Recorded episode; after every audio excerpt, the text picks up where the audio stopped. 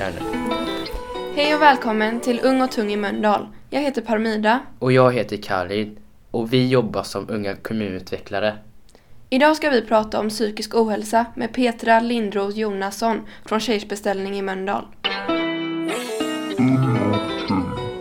Välkommen hit Petra. Tack så jättemycket.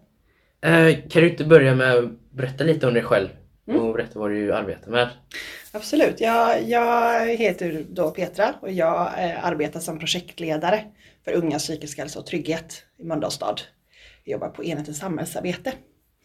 Ehm, och jag eh, har jobbat i Mölndal i tre och ett halvt år. Jobbat med områdesarbete i Kållered tidigare. Men sen snart tre år tillbaka så jobbar jag med Tjejers beställning Mölndal. Och det är ett projekt som eh, finansieras av både Mölndals stad och Västra Götalandsregionen. Eh, och det projektet syftar till att titta på psykisk hälsa tillsammans med målgruppen. Och det är tjejer, kvinnor och icke-binära mellan 13 och 26 år. Så då har vi tittat på psykisk hälsa tillsammans. Vad är psykisk hälsa? Vad mår man bra av? Och sen har vi, jobbar vi med någonting som heter tjänstedesign. Så man tar fram en design för en insats eller någonting som kan, som kan stärka psykisk hälsa. Alltså förslag egentligen på vad samhället kan göra för att stärka psykisk hälsa. Så det är ett projekt som eh, handlar om att stärka både rätten till hälsa och rätten till inflytande.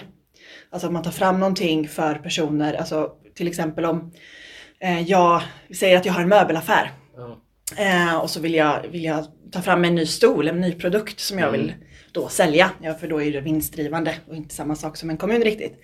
Men då vill ju jag att den ska vara så användningsbar som möjligt. Eh, Så att så många som möjligt köper det då. Eh, Så då brukar man ha med sig potentiella alltså kunder, eh, personer som man vill ska köpa stolen i framtiden, eller målgrupper. Och så testar man fram den här produkten, en prototyp. Som man, alltså hur, hur ska stolen vara? Ska den vara hög, låg, mjuk, hård? Vad får den kosta och så? Och då kan man liksom använda liknande metod fast liksom för en kommun. Alltså hur man skapar olika verksamheter. Man kan till exempel titta på hur ser våra fritidsgårdar ut? Utifrån att vi vill, vi vill stärka rätten till hälsa. Är det någonting vi behöver utveckla och vad är det i så fall? Hur ska, ska det till exempel vara, är öppettiderna bra? Man tittar på det tillsammans med de som, som man vill ska komma till fritidsgården. Men jag undrar eh, hur det kommer sig att ni har valt att liksom bara inrikta er på tjejer och alltså inte ha med och icke-binära men inte ha med killar. Mm. Eh, och det är ju också utifrån den kunskapen som finns. Alltså det finns ju, man gör ju många undersökningar i Sverige och det finns mycket forskning kring psykisk hälsa, psykisk ohälsa. Men vi har ju också kunskap om hur det ser ut i Mölndal. Eh, vi gör någonting som heter, kallas för LUP-undersökningen. Vet ni vad det är? Nej. Nej.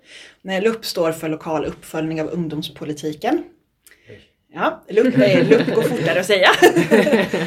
eh, och det är, en, det är ett nationellt liksom, vad ska man säga, ett undersökningsverktyg eh, som många kommuner använder sig av, men bland annat Mölndal då. Så eh, då innebär det att alla som går i årskurs ska vi se, åtta i grundskolan och årskurs två i gymnasiet erbjuds då att besvara eh, den här enkäten. Och det är egentligen ett ganska stort frågepaket kan man säga. Det är väldigt många frågor som handlar om ungas liv på olika sätt. Alltså hur, hur, hur tänker man liksom, hur uppskattar man tryggheten, hur är det i skolan, hur, hur är fritiden och hur är hälsan? Bland annat som tas upp i den. Och då får man ju liksom lokal kunskap kring vad liksom olika unga säger mm eh, om hur det är. Och där kunde vi få bekräftat, alltså så att eh, psykisk ohälsa är ju någonting som unga också lider av och det har vi sett sen, jag tror det är sen 80-talet i Sverige, att, det, att man, när man frågar så ser man då en ökning eh, från 80-talet framåt. Men man ser också att det finns skillnader i vissa målgrupper, till exempel att tjejer självrapporterade i högre utsträckning eh, än, än killar. Men jag vill också säga att det, bet- det betyder inte att de här insatserna eller förslagen alltid bara handlar om så här, förslag för just tjejer. Utan det kan vara så här, en fritidsgård som man vill ha andra öppettider för unga. Eller att det ska finnas verksamheter för äldre unga till exempel. Då är det för alla. Så, så lite så. Vad pluggar du till för att bli... Mm, Ja, eh, jag pluggar, jag är socionom i grunden. Ja. Så jag pluggade i Örebro för väldigt många år sedan nu. eh, det är väl tio år sedan i alla fall. Eh, och då läste jag samhällsarbete som inriktning. Och samhällsarbete är Eh, det kan handla om alltså, det man kallar för social mobilisering. Att man liksom, men jag tänker det som ni arbetar med här också. Mm. Alltså att i ett, i ett område, alltså hur skapar vi som bor i, i ett område, hur skapar vi liksom bra förutsättningar för alla som bor här på olika sätt. Men det handlar också om att jobba förebyggande och främjande kan man väl säga kort. Nu får jag säkert skäll om någon gammal lärare hör mig när jag berättar det. Men, men det, var, det var det jag läste. Och sen, eh, sen har jag en bakgrund i, jag har jobbat inom idéburen sektor länge. Alltså jag har jobbat för Brottsofferjouren länge innan jag kom hit. Gick du i gymnasiet? Ja, det gjorde jag. Det gjorde jag. Vad pluggade du till då? Jag läste, jag hade, jag läste samhäll. Jaha. Samhäll, Så samhäll. du har alltid varit samhällsinriktad? Ja, det, var, ja, det kunde ha tagit en annan eh, väg. Jag var väldigt nära att hamna i Göteborg faktiskt på riksidrottsgymnasiet i handboll. Men så blev det. Mm. Men så, ja, man kan ju vara stjärna på olika sätt tänker jag. Liksom. Nu är du med i den här podden. Ja, precis, precis. Vår nya stjärna. Eh, hur kommer det sig att du arbetar med unga? Det är en väldigt bra fråga. jag tänker att alltså, det kanske låter lite, det, låter, det är säkert så som många kanske svarar liksom. Men när man säger barn och unga i framtiden, ja så är det. Ehm, alltså kan man stärka barn och unga så stärker man hela samhället. Det är väl nog det som är liksom mitt fokus på ett sätt. Alltså det är klart att jag tycker att det är jättekul att jobba med unga. Det är roligt liksom. Men också att man har en jag tänker min idé är ju liksom att det kan stärka hela samhället och det är där man måste liksom vara. Eh, har du tystnadsplikt i ditt arbete när du pratar med unga? Typ? Nej, det har jag inte. Eh, jag jobbar ju inte, ja. Nej, men, och det, det kanske jag skulle vara tydligare med innan jag beskrev projektet för att det är inte ett, liksom ett behandlande projekt. Jaha. Alltså där man sitter och får samtalsstöd. Utan det är liksom man, i typ intervjuform lite som vi pratar nu. Liksom så. så det är ingen liksom form av liksom behandling eller terapi eller så. Mm. Däremot ska jag säga att alltså när man har intervjuerna och när vi liksom sammanställer material och sådana saker. Så kommer det inte stå så här. Eh, ja men Petra sa så här. Utan det, det är anonymiserat liksom. Eh, sen är det ju så att alla som arbetar med barn och unga har ju också eh, eh, en skyldighet, alltså om vi vill bli oroliga för att barn och unga far illa Mm. så måste ju vi Ja, eh, kontakta det. socialtjänsten så att man kan få stöd därifrån.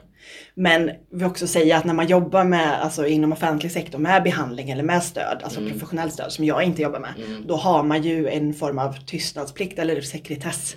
Så. Men det är inte det jag arbetar med. Okej. För du använder väl det du får veta för att liksom kunna förbättra. Precis. Och då kan du inte hålla det för dig själv kanske. Nej precis och det är vi tydliga med när vi träffar alltså, deltagarna så, så berättar man ju också syftet med, ja men till exempel det kommer inte säga, det ingen kommer säga eller veta att det är du som sagt just de här sakerna. Men och sen är det också så att när man pratar om psykisk ohälsa, nu har ju, nu pratar vi mer om psykisk hälsa i projektet, det är också bra att veta om. Men när man pratar om psykisk ohälsa så finns det olika typ grader av psykisk ohälsa. Det som tas upp i projektet är det som beskrivs som lättare psykisk ohälsa. Eh, som alltså nedstämdhet, oro och stress. Vilket kan vara, det behöver inte vara lätt psykisk ohälsa så att det känns som det. Men det är där man beskriver det som.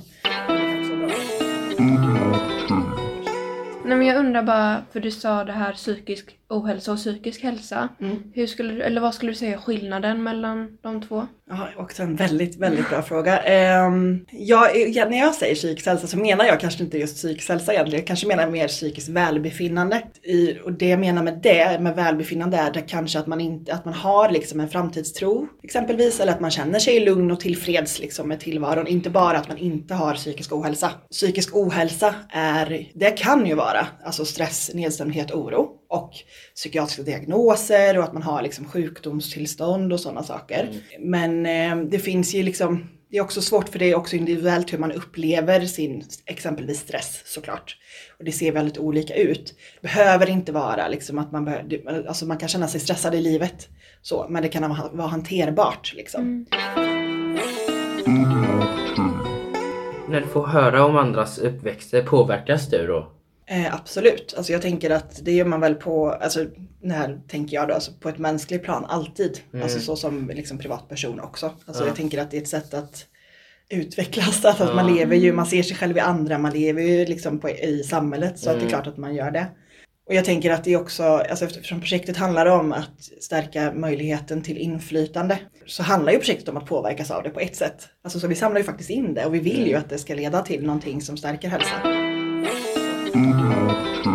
Om eh, ni till exempel pratar med folk och de kanske berättar, du kanske får höra väldigt tunga saker ibland. Mm. Hur ser du liksom till att separera så att du inte tar med dig det liksom när arbetsdagen är slut? Att det inte påverkar Mm. liksom dig för mycket? Nu är det så, jag har jobbat som socialarbetare i, vad blir det då, tio år. Och jag har ju, jag tänker att vi har fått verktyg i, dels genom utbildningen jag har, ska jag säga, och kan vara bra att liksom ändå säga det. Mm. Men också utifrån liksom erfarenheter man har. Jag har ju suttit, tidigare när jag jobbade för brottsofferjouren så satt jag mer eller mindre som en kurator och jag hade samtal hela tiden. Så då har man, alltså då, på den tiden hade jag anledning, alltså man har liksom också strategier för det. Men, men också när man arbetar så, har, så finns det ju, att arbetsgivaren har ett ansvar för att det ska finnas en, en bra liksom, arbetsmiljö kring det och bra liksom, strategier och så. Men det, för mig skulle jag säga att det är på ett sätt en träningssak. Nu sitter inte jag, det är klart att alltid när man pratar med människor så kan det ju komma fram saker som, alltså med olika former av utsatthet Ja. liksom. Det tänker jag att man kan föra privat också liksom. Kan man göra för att hjälpa någon som man märker har börjat må sämre? Det är alltid viktigt för människor att veta att de inte är ensamma. Även om inte det betyder att man kanske sitter i samma rum liksom. Men att man vet att det finns personer som bryr sig om mig. Eh, och ibland så kan det ju vara så att man mår Alltså så här, man, jag orkar inte alltså, ha kontakt just nu med mina vänner lika mycket kanske så. Men jag vet att de finns där. Alltså man håller ut i det som kompis. För ibland kan det vara lite jobbigt om man Ja men nu sa hon nej igen så här. Varför, alltså, så här, vad ska jag göra liksom så? Men man liksom ändå visar att men jag är här. Ehm, sen tänker jag att som, alltså som kompis eller anhörig så kan det också vara tufft beroende på hur en person mår dåligt. Alltså det kan ju vara så att jag själv tycker att att men jag blir orolig, liksom, att jag själv liksom går ner lite i det. Ehm, så det är också viktigt att kunna sätta den, alltså en gräns eller en balans för sig själv i det. Så att, man inte, så att det inte blir så att det är två nu som mår Ja, dåligt. Liksom, så. Min upplevelse är att det finns väldigt mycket olika stöd att få. Och där, alltså, det är klart att jag skulle kunna liksom lista eller så här rabbla upp dem nu. Men det jag tänker som Eh, Alltså om man går in på Vårdguiden eller ringer 1177 så där finns det information om olika former av stöd och det är ju beroende av på vilken liksom, nivå man mår dåligt. Liksom. För ibland kanske man känner en press att man är en kompis till någon som mår dåligt. Så här, Gud, jag måste hitta lösningar till den här personen och det är inte alltid det som behövs. Eh, Det kan också vara så här att det är kanske inte just rådgivning från en kompis utan mer att man är lite bollplank eller vad man ska säga. Ja. Och man är så här, man är där. Man är där på olika sätt. Liksom. Och bara lyssna. Ja, Mm. precis. Och ibland så tänker jag att man, alltså, off, alltså när vi pratar om in, alltså, psykisk ohälsa, pratar, eller om suicidprevention som jag också jobbar eh, kring nu. Eh, så ibland så är man lite rädd så här, för att, att prata om det, men det är inte farligt. Och det är, väl, det är svårt att säga fel saker. Så. Mm. Alltså, och det räcker ofta att man visar att jag är här, jag lyssnar på dig. Vi pratade lite om så här, att vara skoltrött. Mm. Ja, men hur tar man sig ut och, sluta vara skoltrött? Mm. Finns det så här en strategi man... Vi behöver lite tips. Ja. Och, eh, ja, alltså det kan jag ju säga i projektet så är det ju det som, som vi liksom får fram som kunskap från målgruppen, målgrupperna är ju alltså skolstress, man kan vara skoltrött. Och skolstress kan man ju vara, kan man, kan man känna av eller press eh, oavsett om det är så att man har jättebra betyg eller att man har ja, andra betyg eller vad man ska säga.